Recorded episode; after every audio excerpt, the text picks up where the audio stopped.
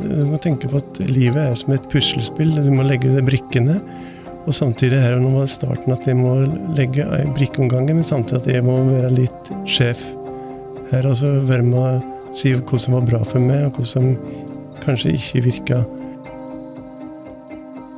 Du lytter til Klokt om livet, en podkast fra Lærings- og mestringssenteret i Helse Bergen.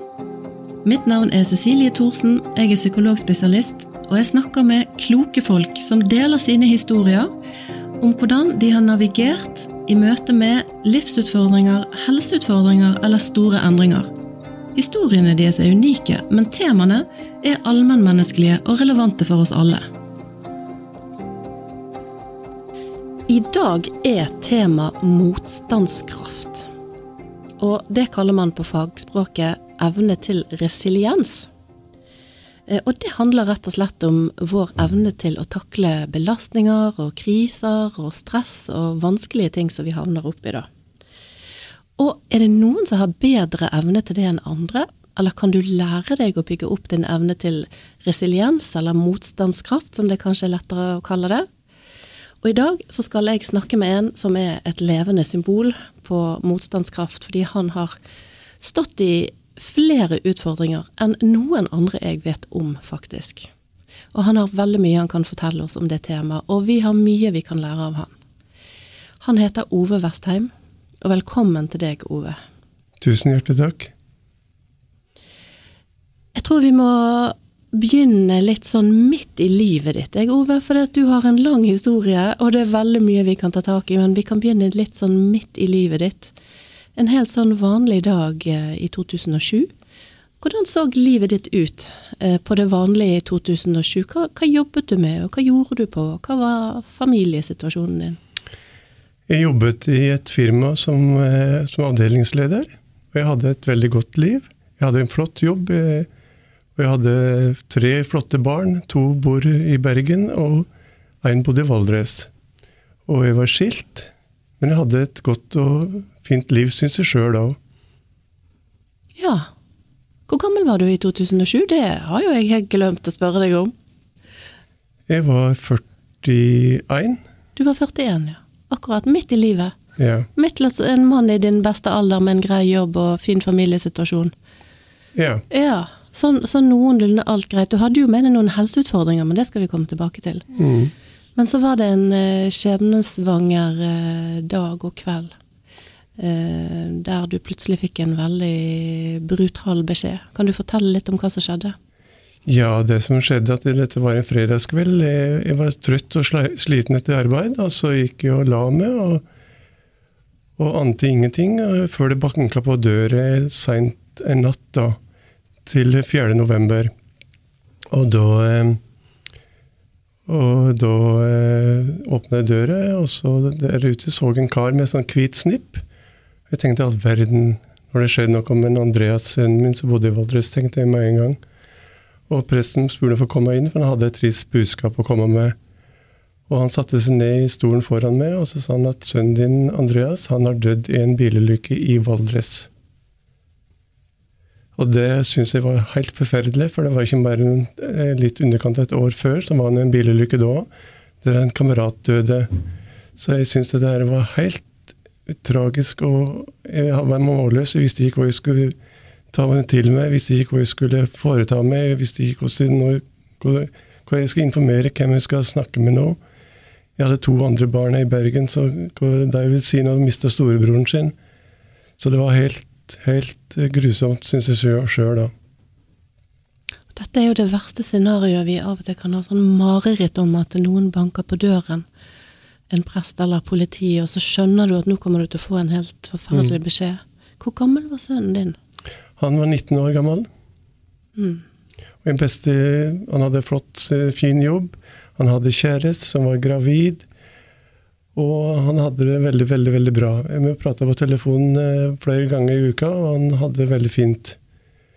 Og plutselig at livet ble revet helt bort fra intet. Det var helt forferdelig å tenke på.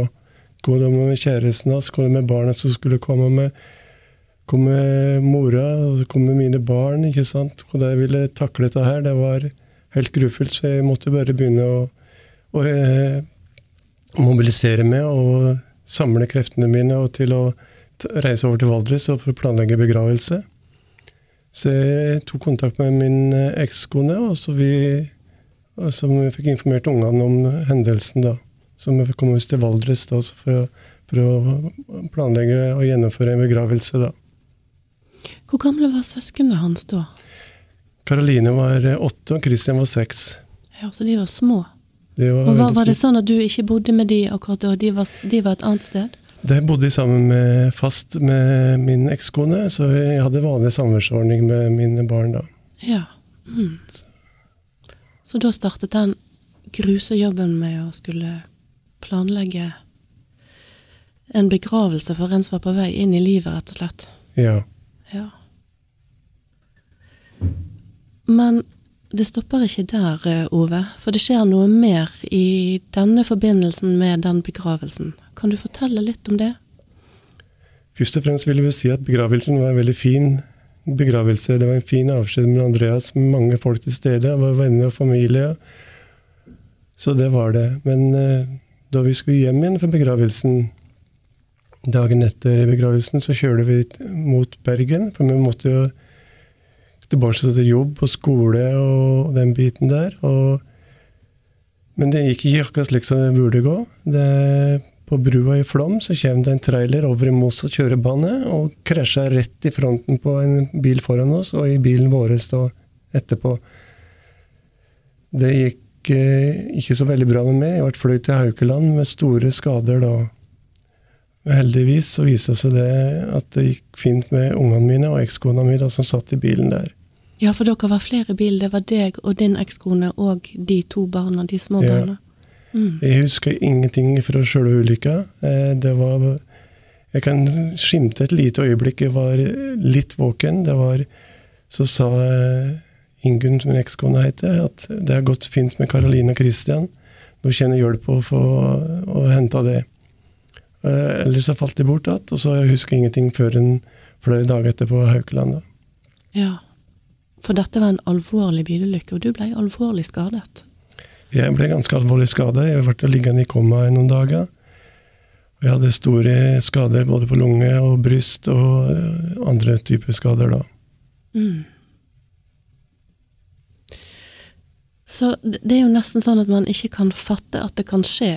At du får en sånn forferdelig beskjed eh, rett og slett kanskje bare en uke før eller veldig kort tid før, og så skal man mobilisere for å klare en begravelse, og så er du på veien hjem, og så skjer det et sånt traume som du sjøl eh, blir utsatt for.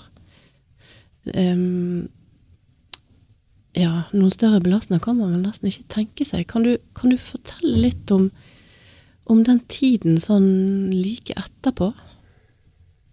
Rett etterpå, da jeg våkna opp fra sykehuset, så var heldigvis eh, det var både press klar til å prate med meg, og leger og psykologer og sykepleiere. Og helse, var fantastisk helsepersonell. Så et apparat som sto klare til å virkelig mobilisere og ta vare på meg i den sorgen og den traumen jeg var i da. Og jeg hadde jo mye skader, som sagt. Jeg ble liggende på sykehuset ganske lenge. Og så var det selvfølgelig viktig for meg å vite at barna mine hadde det flott, hadde det bra. Så det ble en eh, lang prosess på sykehuset med mye samtaler med gode folk der. Og eh, etter hvert så tenkte jeg at det, det, livet må gå videre, men det var ikke Et øyeblikk så hadde jeg lyst til å lukke øynene, og så tenkte jeg at dette her gidder ikke mer. Jeg syns ikke det var noe særlig kjekt at jeg mista sønnen min, som var i livet sitt. Det skal ikke være slik at jeg skal gå i begravelse til min egen sønn. Det skal være omvendt, at du skal gå i begravelsen i min hånd. Og, eh, og, jeg tenkte at eh, jeg var, var veldig sorgtunga. Så mye, mye skyldfølelse. Hadde jeg gjort nok for gutten min? Hadde jeg gjort eh, riktig for barna mine, to andre? Hvordan traumer ville de oppleve nå i etterkant? Hvordan ville de takle dette her, at de mista storebror? Alle slike spørsmål kverna rundt i huet på meg. Og det var ikke godt å ligge på sykehus og ikke fikk brukt kroppen sin eller komme tilbake. og og, være en far for mine barn og, og være en støttende, men heldigvis hadde en ekskone som tok seg av ungene mine. Så gjorde en formidabel jobb. Så det skal Det var viktig for meg, altså. Ja, for i den situasjonen der så hadde jo du trengt å være så oppegående som mulig for å håndtere den enorme belastningen Mm. med å miste sønnen din, og du hadde trengt å være der for deg sjøl, og du hadde trengt å være der for din ekskone, og du hadde trengt å være der for de to andre barna dine, men så var du jo på en måte satt helt ut av spill sjøl og hadde mer enn nok med å, og din egen vei for å holde deg i live og for å komme tilbake til livet. Um, hvor, hvor lenge var du på sykehus, altså sånn type somatisk sykehus? Jeg var der eh, ca. fire uker. Og etter kort så sa de at eh, du trenger nok mer hjelp, Ove, men eh, hvilken type hjelp det var jeg litt usikker på å ta imot. Men så sa da at hva er det viktig for deg nå, Ove, at du kommer tilbake i livet og får, eh, får orden på psyken din og får orden på det somatiske. Da sa de at det er noe som heter Solli DPS, distriktspsykiatrisk senter. da. Der kan du få mye god hjelp med din depresjon og den sorgen du nå står i. Så vi anbefaler deg å ta imot en plass der. Vi skal søke din, og du får helt sikkert plass. Og da fikk jeg plass på Soli DPS, da. Mm. Som, da, som sørga for å ivareta meg veldig godt at det, det psykiske og det, det var dette med å ta vare på meg, å ta vare på omgivelsene rundt meg. Og ta vare på å skåne barna mine fra at du ser meg på det verste, ikke sant. Og så samtidig få medikamentell behandling i orden. Og sette meg på alle de medisinene som jeg trengte. Det ble jo mye medisiner til kort, da, det kan jeg komme litt tilbake til. Men det var eh, veldig mye medisin og medisinering av meg. Men det er klart at jeg trengte det i den fasen, for jeg var jo veldig deprimert. Og jeg var jo veldig langt nede i kjelleren. Jeg tror ikke jeg har gravd meg så dypt noen gang som jeg hadde, var der, der og da. For jeg, jeg hadde ikke tid til å sørge for da Andreas gikk bort. Når jeg måtte sørge over Andreas, så måtte jeg, bearbeide meg sjøl og bli frisk nok sjøl til å takle de utfordringene jeg kanskje sto i, da. Både psykisk og fysisk da. Ja. Men heldigvis var det mange gode hjelpere rundt på Soli, og som samtidig som var på Haukeland. At jeg visste at hvor hjelp jeg trengte. Samtidig visste jeg også at Ove trenger ro og hvile for å ivareta seg sjøl. Og det var mye leger og psykologer og sykepleiere som gjorde akkurat den samme jobben som jeg gjorde på Haukeland. Mm. Det, det, det var opptatt av at jeg skulle klare dette her og, og mobilisere meg og komme meg på føttene så fort som mulig, da, men samtidig at jeg skulle skynde meg langsomt. Så du, du forsto kanskje sjøl at du trengte noe mer enn å bare skulle bli eh, sånn eh, somatisk frisk, sant? for du var jo i en, en helt ekstrem situasjon der du sier at du hadde ikke engang rukket å ta inn kanskje at din sønn var død, og du skulle sørge over det, og så skulle du samtidig klare å stable deg sjøl på beina igjen, sant? både fysisk og Mhm. psykisk. Så da tenker jeg at du gjorde et veldig klokt valg. Altså du valgte å ta imot anbefalingene du fikk om at du trenger mer hjelp, og, og ta imot den hjelpen. Jeg syns dette var veldig viktig for meg, for du må tenke på at livet er som et puslespill. Du må legge de brikkene. Og samtidig her og nå var starten at jeg må legge ei brikke om gangen, men samtidig at jeg må være litt sjef her. Altså være med å si hva som var bra for meg, og hva som kanskje ikke virka. Men samtidig med at jeg hadde gode hjelpere rundt meg, som var da leger, psykologer og, andre folk rundt meg. da. De må være med å legge puslespillet, og nå var starten på det eh, psykiske, og da må de være med å hjelpe meg der. Det fysiske må jeg ta litt seinere. Men vi må samtidig jobbe med det og på sikt. Men jeg var utrolig takknemlig for at de lytta til meg. For det er veldig viktig at det er at jeg, det jeg sier at det fungerer, og det fungerer ikke så bra. At det blir tatt på alvor og blir respektert ut ifra det slik situasjonen min var der og da. da. Det syns jeg var et fantastisk godt bilde, at livet er på et puslespill, på en måte. Og at eh, kanskje noen deler av hjelpeapparatet, eller ulike brikker som sakte, men sikkert må pusle sammen igjen, og det kan du være en del av, og være viktig å legge de brikkene, men òg noen av de rundt deg, og ta imot noen av de brikkene som noen andre kan hjelpe deg med å få på plass. Det syns jeg var et veldig nydelig bilde, egentlig. Og så er du sjøl en kjempeviktig brikke i det hele, selvfølgelig. Og så sa du én ting som jeg la merke til. Eh, Dette med hva det var som var viktig for deg. Og jeg vet at du er veldig opptatt av det spørsmålet, at man skal få det spørsmålet og tenke gjennom det spørsmålet. hva det er som er viktig for deg? For det spørsmålet fikk du. Ja, det spørsmålet fikk jeg, det fikk jeg også på Haukeland. Hva er viktig for det? Og det fikk jeg også spørsmål på Solli.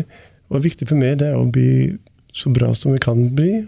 Og, og jeg har lyst til å fungere i det daglige og gå tilbake til jobb og gå tilbake til det hverdagslige ting jeg likte å gjøre. Være sammen med ungene mine, være ute i friluft. Og, og eh, samtidig se det gode i livet og se andre, mennesker, og ha familie og venner rundt seg. Og klare å takle motgang og medgang i, forskjellige situasjoner, det, det, er viktig for meg. Og det er viktig å få det spørsmålet ifra helseapparatet. Det skal alle i helsepersonell være flinke til å spørre alle sine pasienter hva er viktig for deg. Ja. Og så tenker jeg å tygge litt på den der, og så kjenne at det er egentlig et utrolig godt spørsmål, altså, hvis vi fokuserer litt på det spørsmålet. Mm, det er et veldig viktig spørsmål. Det er et viktig spørsmål å både stille seg sjøl, og det er et veldig viktig spørsmål å få fra andre når du trenger hjelp fra andre. At du sjøl setter deg litt i førersetet og kan si noe om hva det er som er viktig. Ja. Hva var det som var viktig for deg akkurat da? Klarer du å spole tilbake litt og fortelle litt? Ja, jeg synes det er så viktig for meg å ha et godt liv som mulig og, og klare de psykiske og fysiske utfordringene i, i måten det, det jeg sto i. Det som har skjedd, får ikke gjort noe, noe med, dessverre. Vi må prøve å legge det bak meg, men samtidig se at uh, livet er jo viktig å leve og viktig å ivareta. Og ikke minst er det viktig å være en, en, god far igjen for mine, mine barn og eventuelt kommende barnebarn. Da. Og det er klart at det, eh, det, er viktig for meg også å leve et fullverdig liv, sånn som jeg gjorde det før. Men samtidig var det kanskje ikke like lett å se det der og da. Men samtidig at jeg må prøve å ta tak i livet jeg har, og, og gjøre best mulig ut av det fra den situasjonen de står i. Og, og, bruke energien min på det framover, da. Det var viktig for meg. Det var på Soli i hvert fall. Men jeg måtte jo videre. Jeg kan ikke gjøre det for alltid. Var du der lenge? Jeg var der i litt over to måneder. Ja, Det er ikke så veldig lenge, egentlig. Nei, og, Nei. men så sa jeg, sa jeg at nå har jeg veldig lyst til å komme litt videre. Og lyst til å få tenke på å trene det fysiske. Jeg var jo på trening der òg, men det var ikke så mye fokusert på det. Det var mye fokusert på samtale, samtaleterapi, og skynde seg liksom litt eh, langsomt med å trene litt og være litt fysisk aktiv. Men jeg hadde hørt veldig mye om eh, Beitostølen helseprosenter. Beitostølen helseprosenter kjenner utrolig godt fra før. Jeg har jo bekterev og revmatisme. Og da har jeg vært der utallige mange ganger i i oppveksten. Og det, det er liksom heimplassen min. Jeg er fra Valdres, og jeg kjenner godt til helseprosenteret. Jeg kjenner godt til folket som jobber der. Kjenner godt til at, hva de kan få til eh, med folk. med De med funksjonsnedsettelse og de med, de med da eh, har eh, tra trafikkskadde, slik som jeg var. da. Så jeg hadde veldig lyst til at jeg søkte meg dit. Og da jeg tenkte at ja, kanskje det er et godt alternativ for Ove nå å søke noe til Beitostølen helseprosenter. Så ja. det gjorde de. Mm. Og da fikk jeg plass, under den forutsetning at jeg trodde og visste at jeg klarte det psykiske, da, at jeg var godt nok skodd for det. da. Nettopp. Så dette var på en måte et ledd i et behandlingsforløp. sant? Først så mm. var du på sykehuset i somatikken, som man vil kalle det, og så fikk du en direkte overgang på et distriktspsykiatrisk senter der du fikk god tid til å bearbeide en del. Og så var det snakk om rehabilitering i etterkant, og gå direkte over i det. Ja. ja. Mm. Og da jeg kom til Beitostølen helseprosenter, så ble det godt mottatt der òg, som jeg har blitt både somatikken og psykiatrien. Og da jeg tok i hånd om medisinen min og, og den biten der, og jeg hadde lyst på en nedtrappingsplan, for det å bruke medisin over lang tid, både morfin og, og antipsykotika og, og, depresjon, det er klart det var ikke det aller beste over tid. Men jeg fikk jo heldigvis god mottakelse der, og ble laga et behandlingsopplegg som var passende for meg, som jeg kjenner til. Dette med svømming, eh, dette å gå på ski, dette med å være et treningsrom, dette med å gjøre andre fysiske aktiviteter. Da. Det var veldig viktig for meg. Mm. Men det var ganske tøft, da. Ja, selvfølgelig har det vært tøft. Og bare det å skulle slutte med medisiner, for du forteller jo om medisiner som, som eh, du ville slutte med, sant? både smertestillende og morfin og antipsykotika og antidepressiva, som høres ut som noe som du trengte i en periode. Jeg så det nesten for meg som en sånn krykke med de medisinene som du trengte å lene deg til, og som var veldig viktig i en periode. Og det er det jo for folk. Av og til så trenger man den type hjelp. I ulike varianter. Men så bestemte du deg for at nå vil jeg kaste den medisinske krykken og begynne å, å gå litt mer på egne bein, da. Sakte, men sikkert.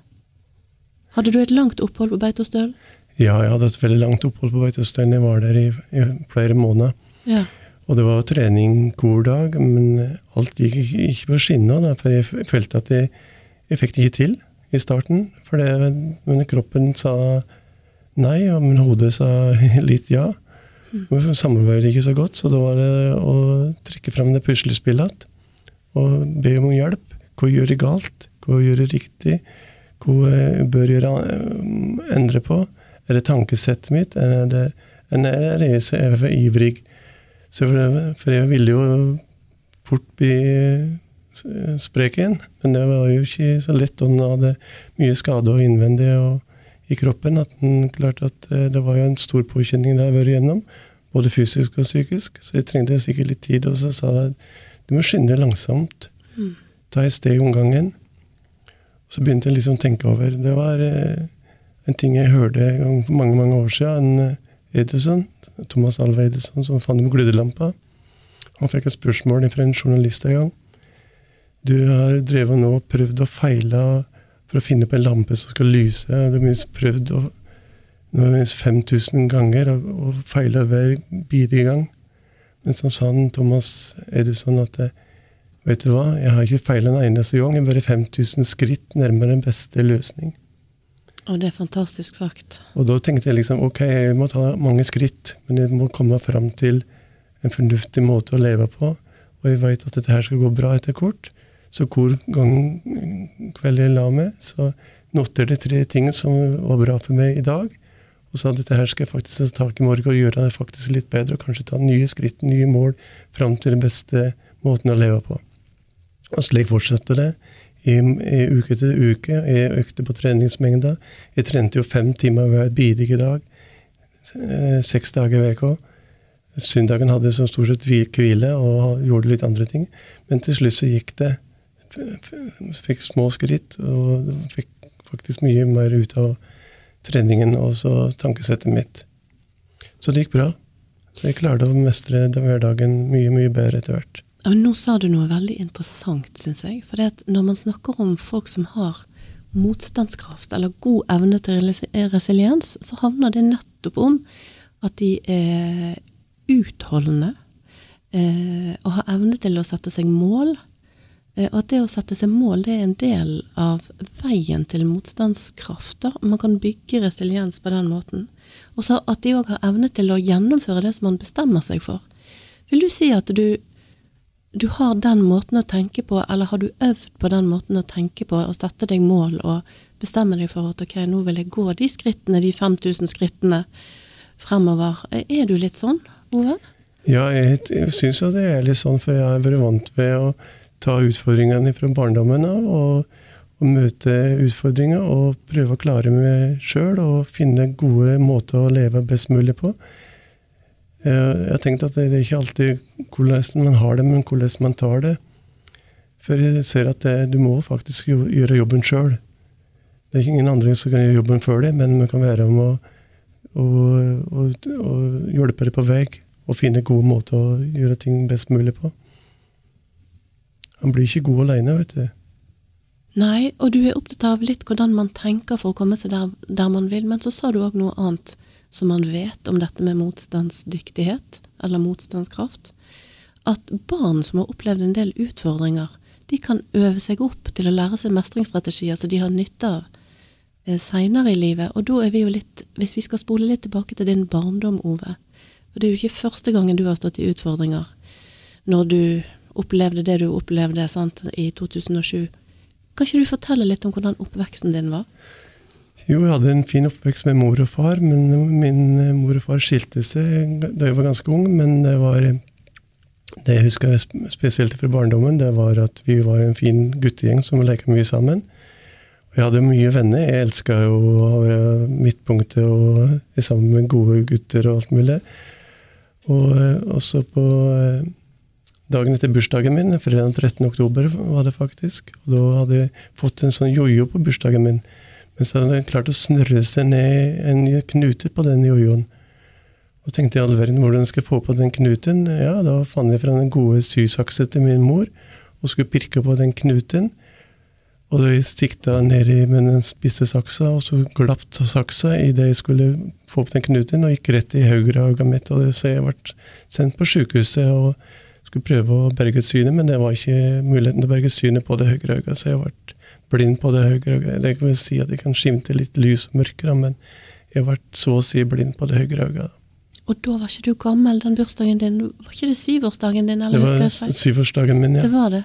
Mm. Så det, det, husker jeg. Da ble liggende lenge på sykehuset. Jeg var liggende fram til eh, rett før julaften. Så ble jeg kom ut fra sykehuset, og da lå jeg på sykehuset i seks uker.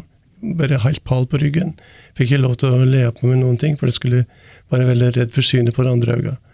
Mm.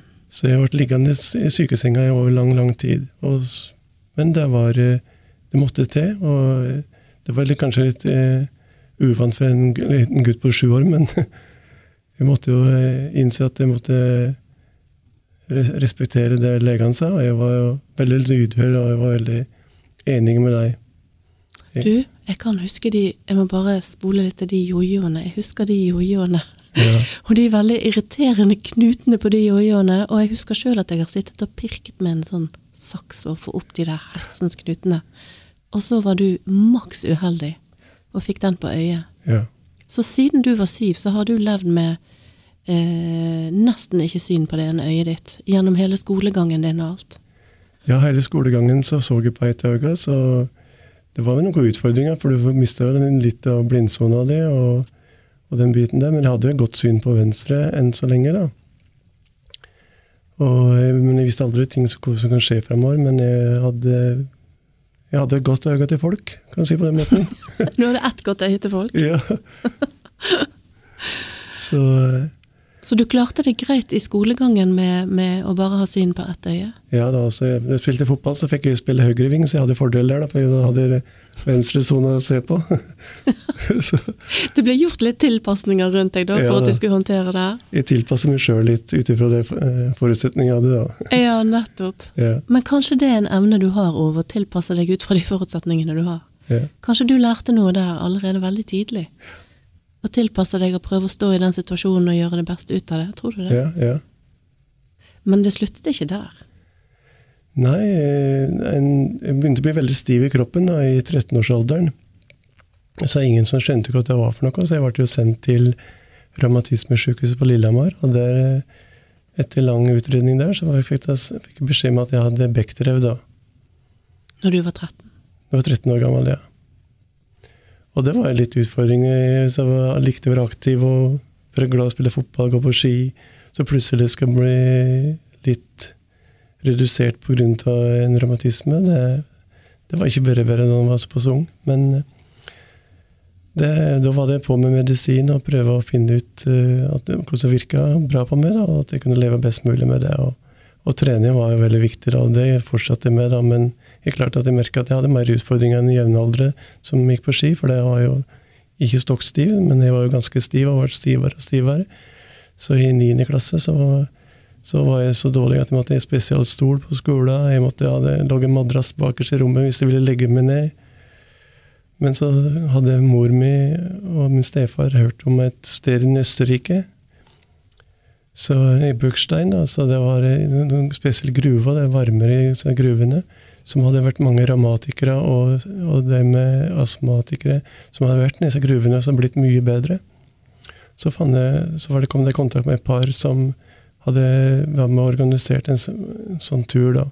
Så de organiserte en tur nedover, at de skulle komme med ned dit og være i behandlingen der i, i, i underkant av en måned. da.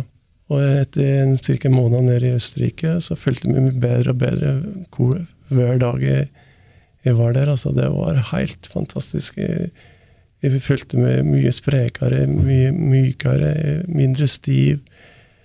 Jeg hadde jo behandling der i tillegg, da jeg ikke hadde disse innfarten i disse gruvene, varmegruvene. Så, så det, når jeg skulle reise tilbake til Norge, så satt jeg faktisk i bilen. men Jeg la, skrudde ned setet innimellom, men det gikk veldig fint. Så det hadde kjempegod effekt på deg? Ja. For du sier jo litt om hvor mye det påvirket deg å ha bæsjkreft. Altså når du, du, var en ungdom, sant? dette begynte i 13-årsalderen, når du var 15, så, så, så, måtte du hatt et ligge i bilen. Altså Du var jo veldig dårlig, og så har det hjulpet deg så masse å være der. Ja. ja. Så etterpå så kuttet jeg ned medisinen jeg fikk før, for stivheten min, og levde uten medisin i mange, mange år. Nettopp. Fungerte du mer som en vanlig ungdom da, eller var det masse tilpasninger som måtte til? Det er klart at jeg var ikke like rask og kjapp som jevnaldrende, men jeg, jeg klarte meg veldig godt. Jeg levde som en normal, mm. normal ungdom som alle andre.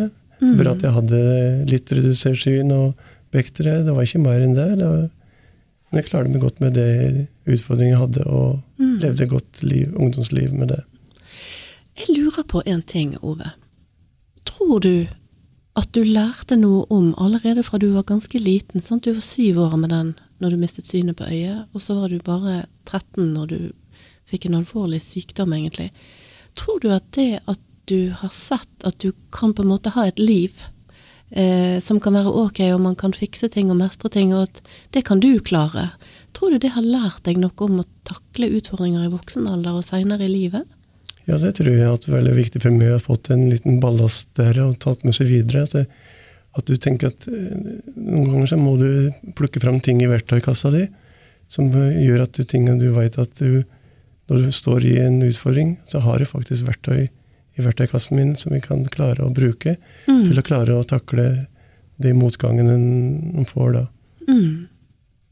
Og så hørte jeg en annen ting som man vet er veldig viktig når det gjelder å kunne tåle ting, og det er at man har støttende folk rundt seg. Mm. Det hørtes ut som du hadde, du hadde en mor og en stefar som var veldig støttende rundt deg, stemmer det? Ja, jeg, uten deg så hadde jeg ikke klart den ungdomstida på den måten jeg klarte det. Det var veldig støttende rundt meg. Mm. Og jeg er helt takknemlig for den dag i dag for at de har stilt opp slik de har gjort. Og det har vært helt utrolig mot meg.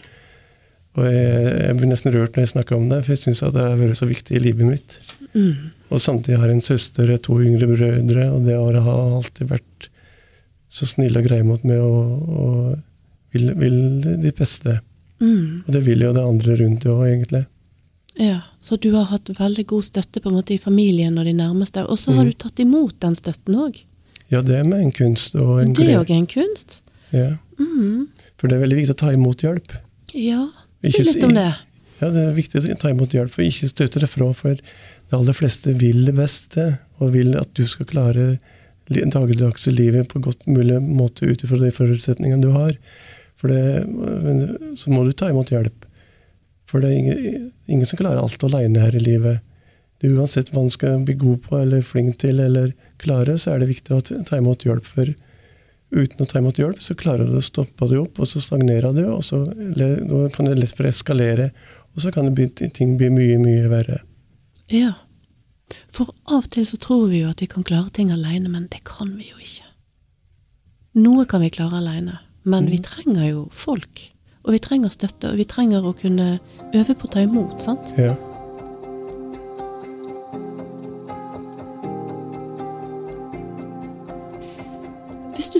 Noe um, Har du noen måter å tenke på, Ove, som er sånne bærende elementer som bærer deg?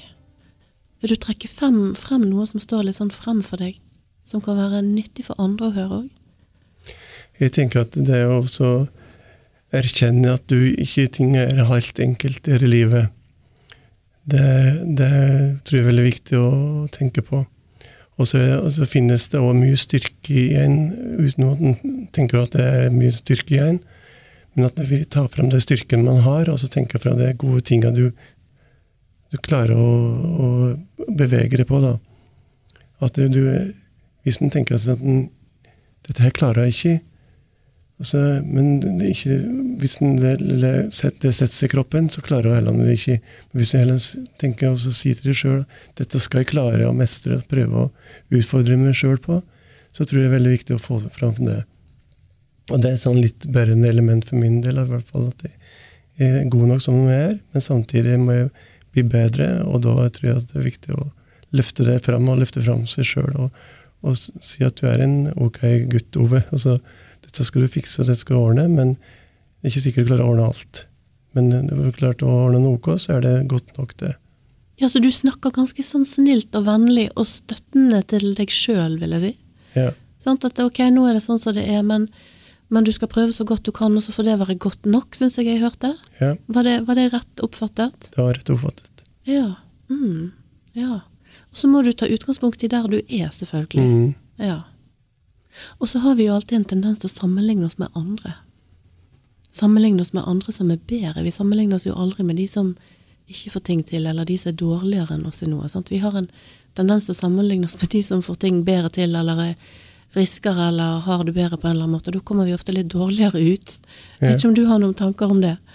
Jo, det er sant. Er mange som tenker slik, men jeg tror det er veldig viktig at eh, vi skal ikke sammenlignes med alle andre. Jeg har slutta med det for lenge siden. Jeg kan ikke sammenligne med andre, for jeg er ikke som alle andre. Jeg er Ove, jeg er på godt og vondt. Og jeg prøver å gjøre best mulig ut av den situasjonen jeg er i og står i. da. Og noe mer får jeg ikke gjort. Eh, møte på utfordringer og oppoverbakka, så litt møte deg. Og eh, på nedoverbakka så kan den være isete glatt, men samtidig må jeg møte den og, og ta imot de tingene jeg står i da. Mm. Og det er jo ikke akkurat sånn at ikke du har møtt på andre utfordringer, Ove, etter det du, som du har erfart i oppveksten, og de to store traumene sant, når du var midt i livet. Men du har en del helseutfordringer i dag òg, ja. som du må forholde deg til? Ja, det resulterte til at jeg fikk dårlig syn på venstreauga. Jeg var veldig glad i å kjøre bil og farte og reise og alt mulig, men da jeg fikk vite at jeg at synet mitt på venstre øye vært enda mer redusert, så ble jeg fratatt førerkortet. Så nå i dag ser jeg på 30 på venstre øye. Jeg har dårlig med sidesyn. Eh, og det må jeg bare leve med. Det var et det var litt, litt slag i ansiktet. og Jeg har alltid vært glad i å kjøre bil og hadde en jobb der jeg trengte å kjøre bil. Og nå måtte jeg finne en ny måte å, å leve på, både med jobb og, og andre fritida mi måtte legge om litt planer, og da, ja, da jeg, måtte jeg søke meg ny jobb. Tilfeldigvis så, så jeg en ledig stilling i Helsebergen på Bjørgvin DPS. Kan jeg søke der med min bakgrunn, da, jeg som har salg- og markedsbakgrunn? Ja, vi må jo søke. Det er ingen utfordringer som er vanskelig nok. Hva jobb var det, Ove? Det var først en jobb som erfaringskonsulent på ja. Bjørgvin DPS. Der søkte etter en person innenfor, eh, som har den erfaringen som har levd erfaring innenfor dette med helseutfordringer og, og psykiske utfordringer. da. Tenkte dette er en person som kan faktisk søke på.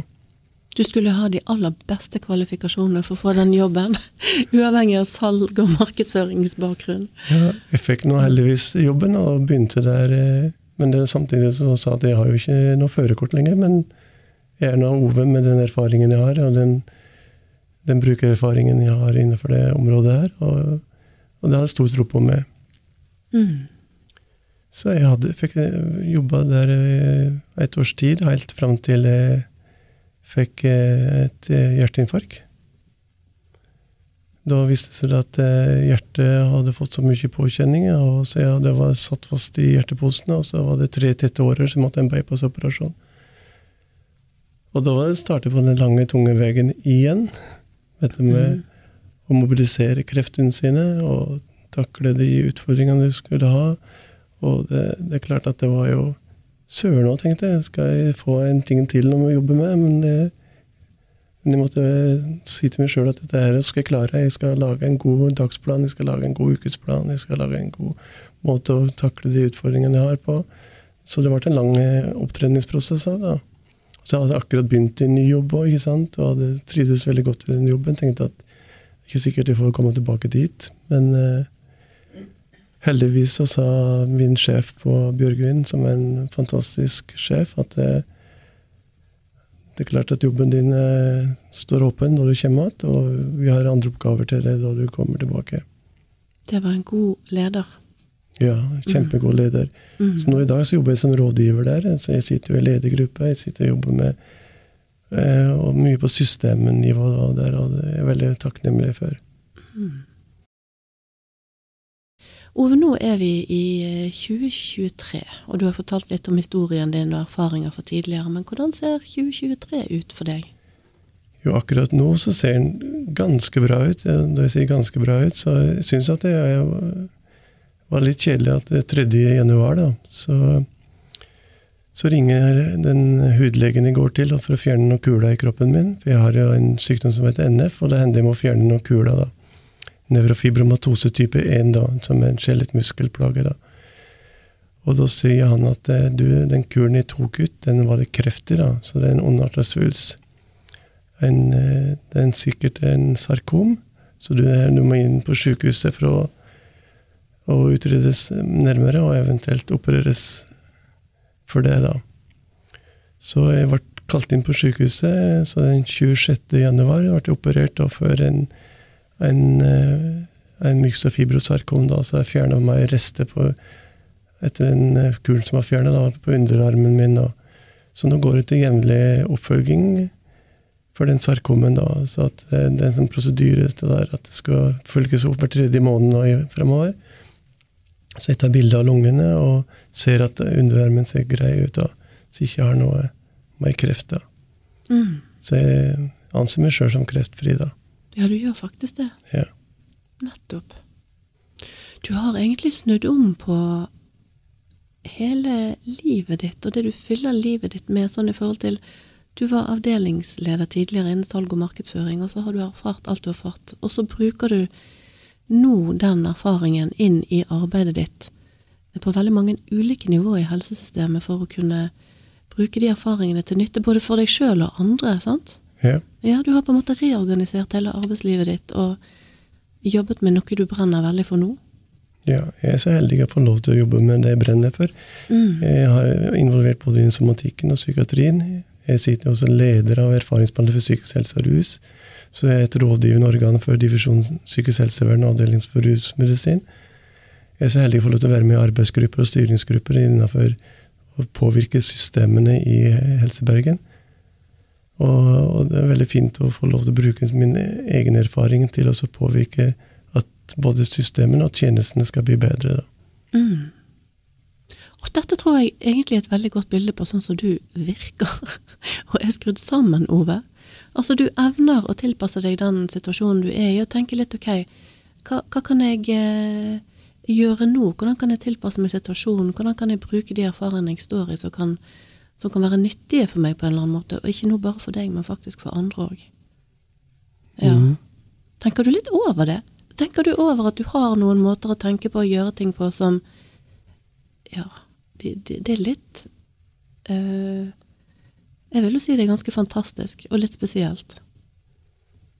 Jeg tenker over at det, det kan være en brikke i, i systemet som kan gjøre at ting skal bli bedre. Mm. Men det er mange rundt meg som er veldig flinke òg. Men mange med forskjellig erfaringskompetanse. Og erfaringskompetanse det, det er kjempeviktig å ha hvis en skal jobbe med dette her. Ja, du har en erfaring som er gull verdt. Og det er jo ikke bare tenkt og lest, det er, altså det er ervervet erfaring, sant. Ja. Mm.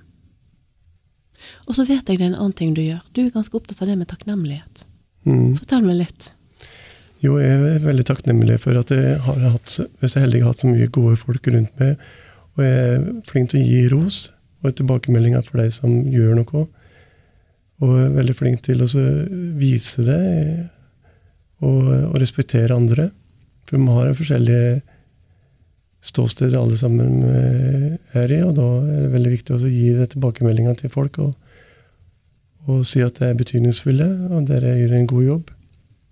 Jeg ser det som medlem i panelet. Det har kjempemange erfaring, mange av deg. Og mange har jo kanskje ikke fått det tilbakemeldingene tidligere i livet. At det, Og det veldig viktig også å gi deg ros og anerkjennelse for den, den personen det er da, og hva det erfaringen det har, og den erfaringen betyr for andre. da. Mm. Så du evner å gi folk anerkjennelse? Ja. Ja, Og deg sjøl òg? Litt? Litt. Litt! Litt, ja. Ja.